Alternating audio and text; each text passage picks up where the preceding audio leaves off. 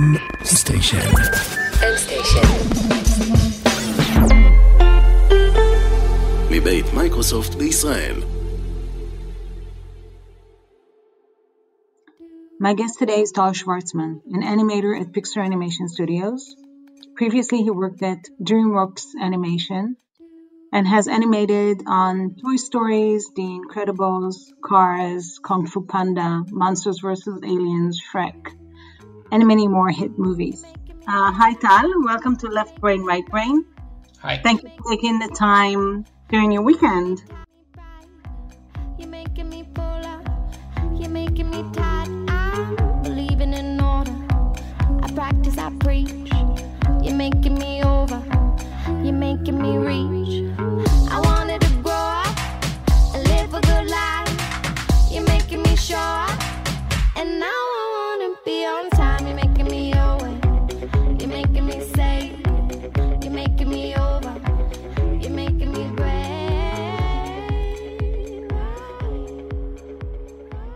your weekend, right?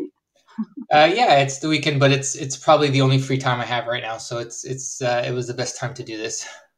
Yeah, I can imagine. But still, I really appreciate it, and I'll try not to take too much of your time. Um, so you grew up in Israel, right? Uh, yeah, I I, I kind of did a half half. I spent um, part of my youth, uh, like elementary school, uh, kindergarten in Israel, and then um, I spent about six years, which was like half of elementary school, middle school, and first year of American high school in the states in California. Then I went back to Israel for um, high school there. Sounds confusing, to be Yeah, honest. a lot of a lot of back and forth. Yeah. Uh, just for my curiosity, where in Israel? Uh, I I actually I was the whole time we were in uh, Herzliya. Lovely. So you work out of home at the moment? Yeah, yeah, Yep. Right. Yeah, we, we have that option too. I'm um, in the beautiful Microsoft office in Herzliya, so Ah. I have I have the advantage of both worlds. um, so growing up in Israel, kind of during the 80s and 90s, um, we didn't have much TV, right? Uh, there wasn't a lot of good stuff on TV. But did you still, as a kid, see anything on on TV that you think influenced you as an artist? absolutely. So you're absolutely No. right. It wasn't there wasn't a lot uh, like when we were growing up in that time. Um, there was the one channel. You know, if you did get Yeah. the, I remember there was the pirated cables that were going around, but for the most part, there was just the one channel, and um, I kind of decided I wanted to do something in animation. I didn't really understand. I didn't understand it that much. What was what it took to do it because, unlike you know today where we have the internet and all this information that's free floating, and just also books that are a lot more abundant. Back then, especially there in Israel, there wasn't a lot of access to information about it. Right. Um, but what I did know was like I grew up and there was these um, two, three shows that I would watch. I don't know if you remember, but they would repeat constantly in the summer. And one of them was um, what we call uh, Lev, Halev. I do, yeah. the kid that uh, that is searching for his mom in in Yeah, Argentina. Absolutely. And so um, that was one of them. The other one uh, was uh, Nils Holgersson. Yeah. and then um, there was like Robotech and Transformers. So those were kind of three very um, like dominant TV shows for me because they were the only things I had access to. You know, we didn't have Disney movies that were released regularly. I didn't really see most of the Disney movies, like the old ones, until much later in life. Um, and there wasn't a lot of other anim- anim- animated movies being made at the time that were distributed in Israel because we were kind of you know, Middle East, Asia Minor, the things we got were not the same. We kind of got this odd mix of Asia and Europe kind of films Right. versus just strictly American stuff. And I so, think that I, th- I think that the strongest thing about these particular um, contents that you mentioned is that how strong was the story. Not so much the animation, but the story was very compelling, right? yeah, I mean, the, the the animation, I think what it was was indicative of the time. There was a limitation that existed, eh, you know, just in the industry for cost efficiency. But I think the story was really important, and um, especially in the first one, which is Halev, like Marco, which is called the actual show in English was called Three Thousand Leagues in Search of Mother.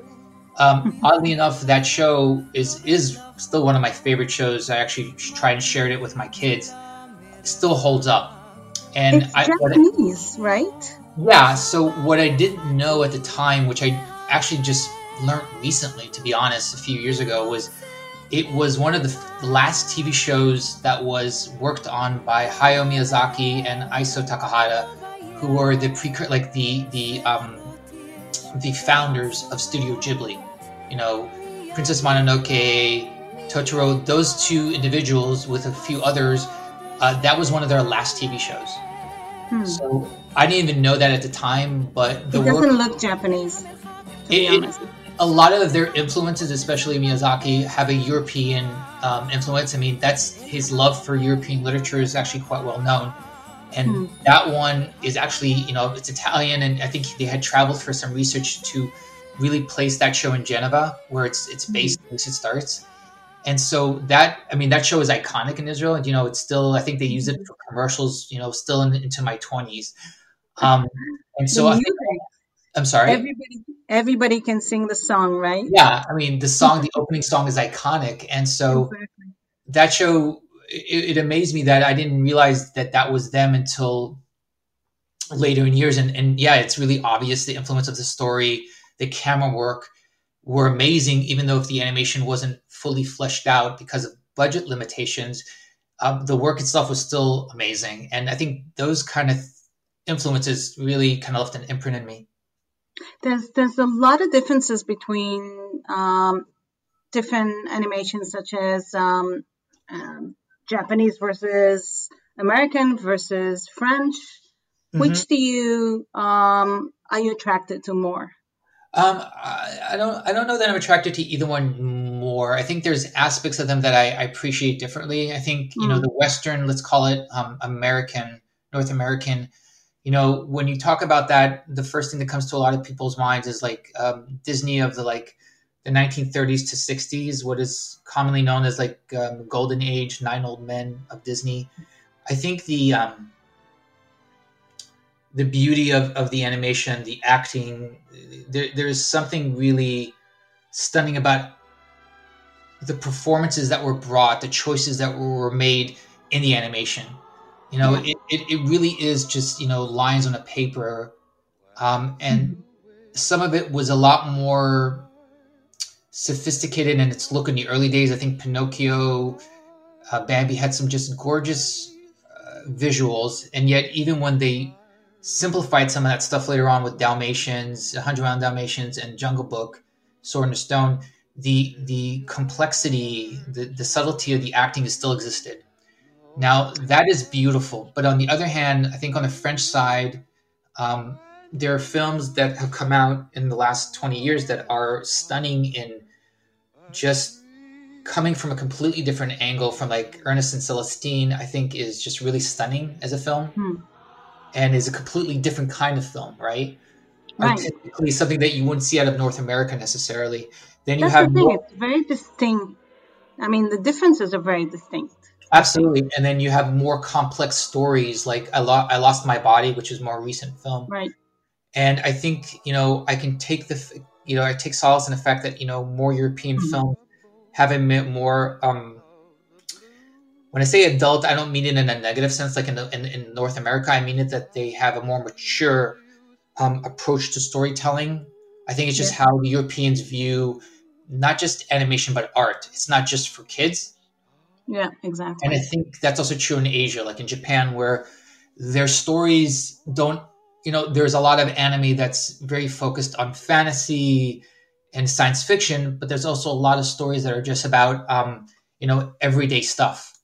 And I Although I have to say that um, the more recent, I mean, last 20 years, um, animated films made for kids and adults, a lot of people go to see them with their kids as an excuse, but really like them. And so I, I think the borders between children content and adult content is kind of blurred.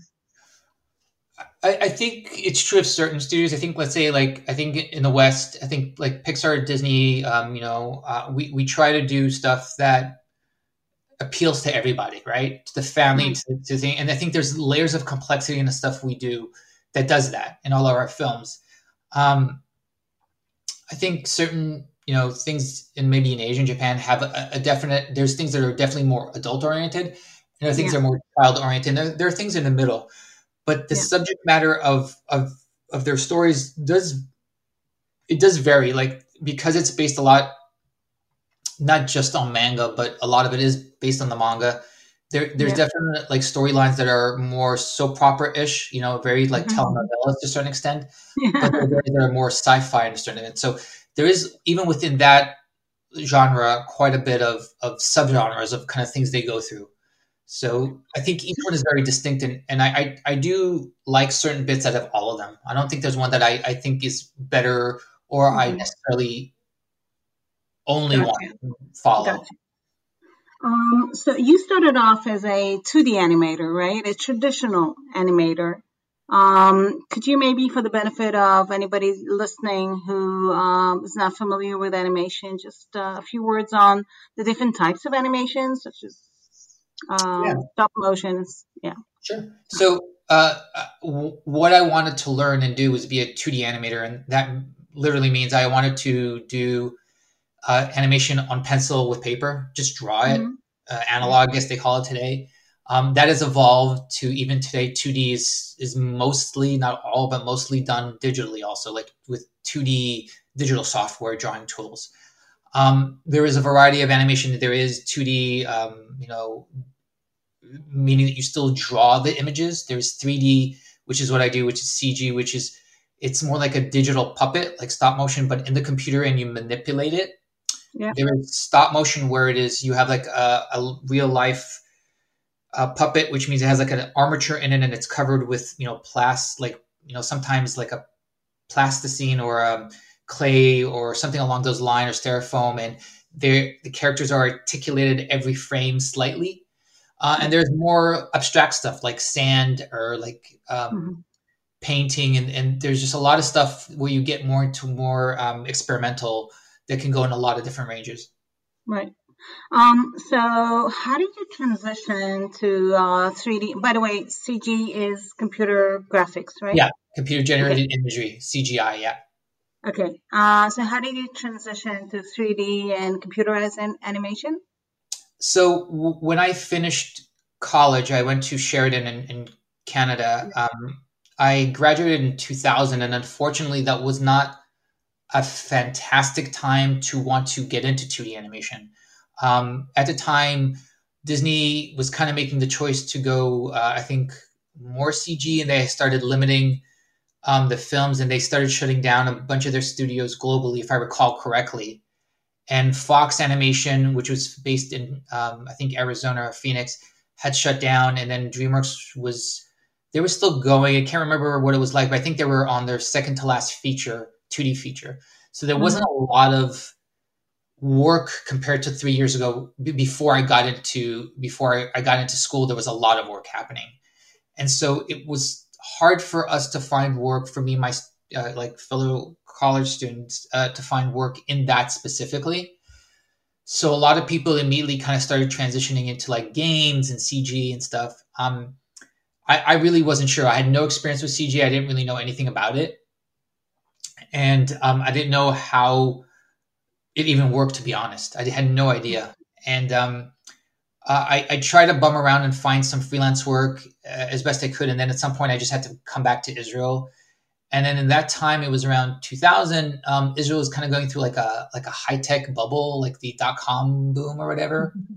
and there was a lot of stuff that was happening online, and so people were doing a lot of CG work on internet sites and stuff. So I kind of um, got my first taste of that, and I didn't really care for it that much. At least my exposure to it wasn't a positive one at that point. And so I went back to doing 2D um, at a studio in Tel Aviv, commercials and TV shows until that ended. And then, luckily, um, a studio that was based in the States, I think in New York, decided to open up a branch in Israel. and they were CG, and they gave me an opportunity. They saw my skills in 2D, and like I think we could maybe work with this. So I sat down for about a month or so and taught myself um, just the software that we're going to use, and went through like a tutorial and just taught myself all the stages. So I taught myself how to do. Sorry. That actually means that you, you you're very technical. I mean, um, I, I studied in UCLA, and we we used to work on um, um, Silicon Graphics workstations Oh wow! and Yeah. Premiere.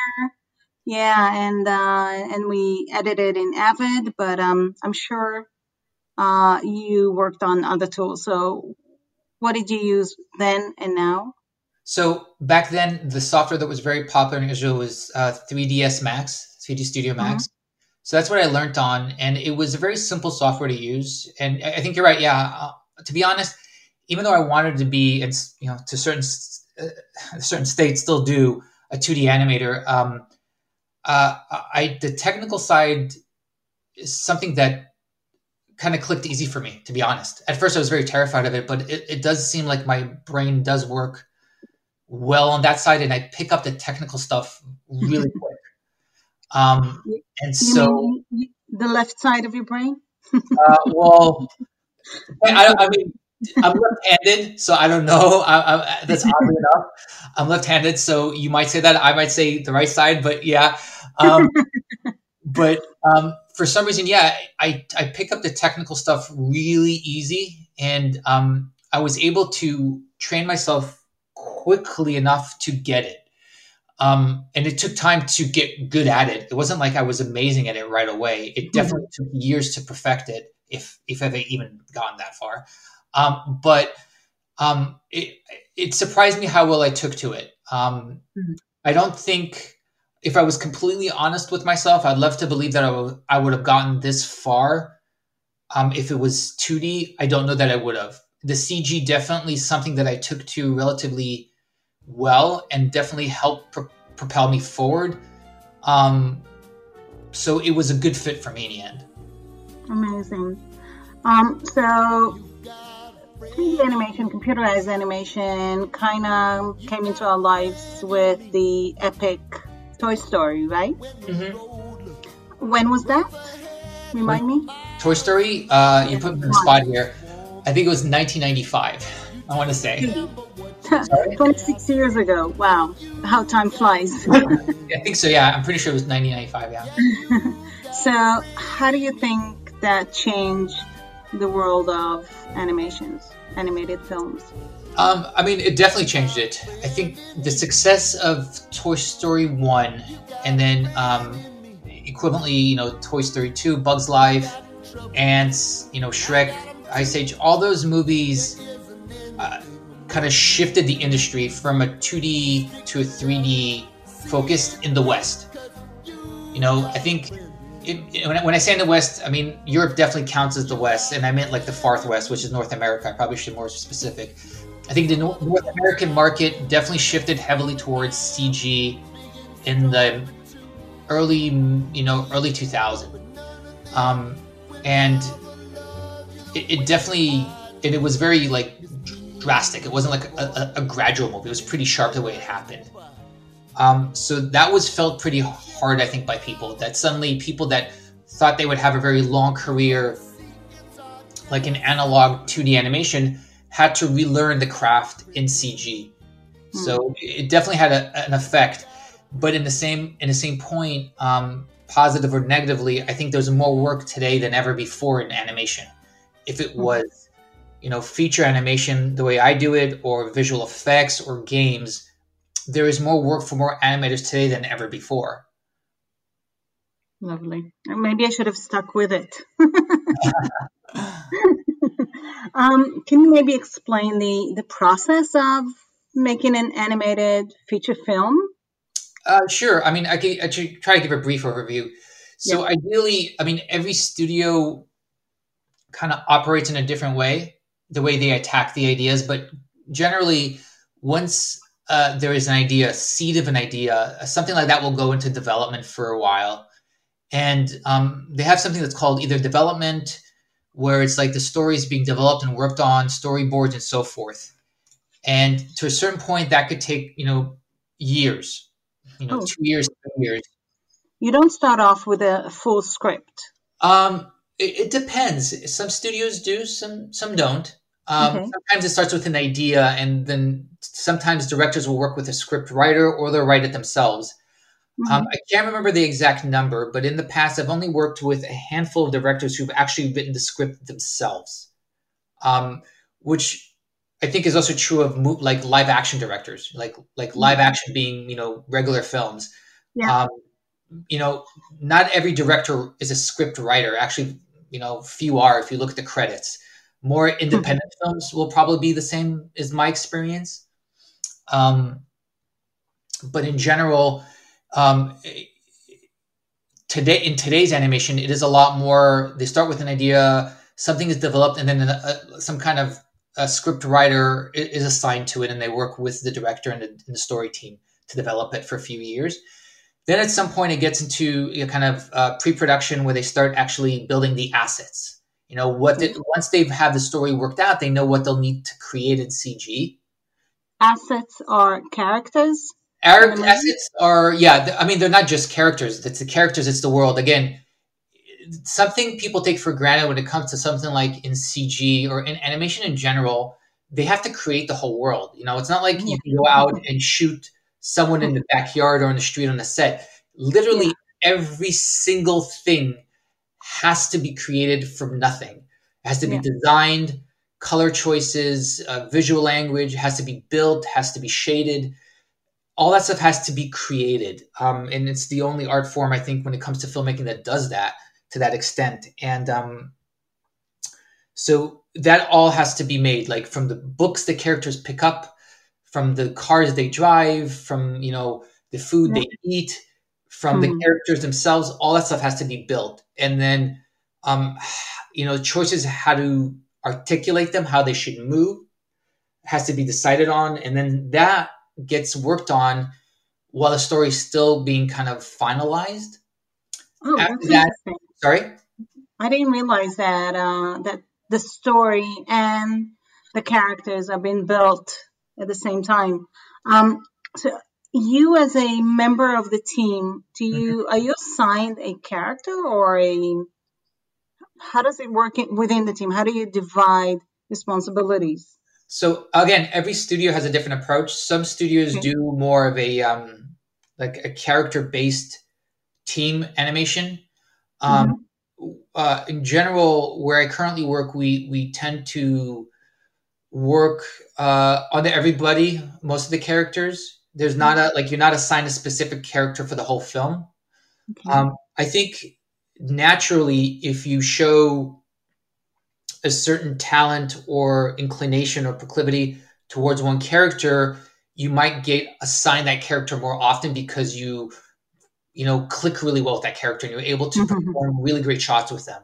So that could happen naturally through production. You know, what did what did the shape of the eyelids look like? Mhm. What does the shape of the brows look like? Now, you know, live action doesn't get into that specific when you know you have an actor. They're not going to meticulously like pick every pixel of the brow shape of the actor. Do you know what I mean? That's that's their brows. We Yeah. do that because we have an aesthetic design language for every character that we're trying to keep coherent through the whole show, so the character looks the same in every shot. That's actually why I thought that a single person would be assigned to a character because that creates that continuity and relationship with the character for the length of that's the uh, that's definitely one way to do it. Um, but at the same time, it, the job of the leadership of our show uh, that come on early, like the people that are in charge of the supervisors and directing animators, their job is to set up guidelines for what the characters um, will look like, should look like in certain situations, in certain expressions, how they react, what they look like from different angles. You know, that's their job is to set up kind of um, you know first uh, like basically a, a guidebook of visual uh, for what you can Mhm. look back on as a member of the team and go, okay, more or less in this expression at this time, this is the aesthetic design the character should look like. Your design doesn't have to be that verbatim, Mhm. but it should respect the proportion Yeah. kind of the rules that are there that set up that the character looks like what we call on model that, that it doesn't look like it suddenly looks like a completely different person So, how long does it take to uh, make a, an animated film? I mean, if we're talking from start to end, it's usually around five years from I think initial story Oh. conception to final what we call DD, like the final like Mhm. put on film. I think the sounds have been done. I think it's about five years on average. and you would be involved. Uh, Oh, that could depend. Um, I, I've been involved in certain films for two years. Um, certain films have been a year, and some films have only been two to three months. It depends when you come on to help out Right. or what your role is. during the Incredibles, uh, you did the father figure, right? I mean, I, did- I, I worked on it, but I also worked on Violet, and, and I also worked on a couple of the other characters. It wasn't, I wasn't, I worked on Bob a lot because I think that that that worked out really well. I think I did a good job, and the people in charge, um, you know, responded to that. So that's what I was kind of cast. Um, but I mean, I it's not that I didn't want to work in anybody else. It was that it, it was just you know, that was it, and, and that was fine. Like I really love the shots I did. I I'm actually very thankful for the work I got to do in that film. I, I, I just wonder. Uh, I mean, it's kind of evident that um, that you like this character, um, but I wonder, could you have done a good job on um, a piece of animation that uh, you didn't like the character? It wasn't interesting enough, or you know, not challenging enough, or whatever. Would you still do it? Oh, oh yeah, absolutely. I mean, and to be fair, um, the way our system it works is is the the, the the the our leadership in our department. They they do this thing where they ask everybody to. Um, we have a a good idea usually what comes down what's coming down the pipeline like um, Mhm. shot wise, Yeah. and so in that situation. We're able to say they, they give us a heads up of saying, "Hey, we have these sequences coming up in the next few months. You know, take a look. Let us know what you're interested in." Oh, And so- it's a democracy. Oh, yeah. Well, I- would say it's even more than that. It's it's more of a socialist situation where you know we're we're in it for the greater good. So Nice. I- you know, I think I think there is a camaraderie. They they definitely want you to to challenge yourself and growth. It doesn't mean you'll get exactly what you want. You give them a couple options, and then they try to to give you what works best within that timeline. And then they might take other things into account, where they think you are, what your growth is, what they think you could do well on.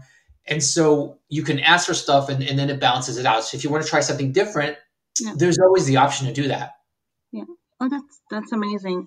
Um, I I want to talk a little bit about the technology side of it. Uh, we all know that Star Wars was a big push forward for the special effects industry, right? hmm Um, is there? Do you contribute in a way to um, you know, to the development of new technologies or features within a software, stuff like that? So so Pixar has um, it doesn't use for for what we do for our Mhm. for the animation side of it. We don't use off the shelf software, meaning like stuff that is widely available to anybody to, to purchase. Uh, we have our own proprietary software in the studio that is the main. There's other softwares involved, um, but this is our main kind of product tool for for, for a large part of the studio. And, and the reason is is obviously the studio existed well before a lot of the 3D softwares exist today, right? It's you know the studio is, is over 30 years old. It's it's you know the first CG full studio. Right. Um, we are all able to contribute in a way where uh, you know, hey, can we get this tool? Can we get that tool? Um, but we have a dedicated uh, tools department that develops the stuff. Um, Hmm. I am personally not a person who develops or codes. Right. Um, so I, I don't do that. I, I have been in meetings where where a group of individuals, not me specifically, uh, give opinions or feedback on certain tools or might be asked to test certain things out. And that's amazing because uh, it sounds like you have a whole department of R and D that We do. develops. Yeah. Yeah. Well, keep in mind that it's not just it's not just um, our, our animation software, which is called Presto. Uh, Mhm. That's the main product of the animation department, but we also have RenderMan, which is the studio's render engine, which is Studio Rights. We, the studio created RenderMan, and it's one of uh, the most widely used render engine in the industry, and Pixar still develops it. So there's a department that also works on that. Great. I think that um, we got to the uh, that stage in the conversation Okay. where um, I have to ask you a mandatory last question that I ask on every episode. Okay. Ready? I'm bracing myself. Hold on. Yes. Exactly. Sit tight. um, so, do you consider yourself more creative or more technical slash analytical?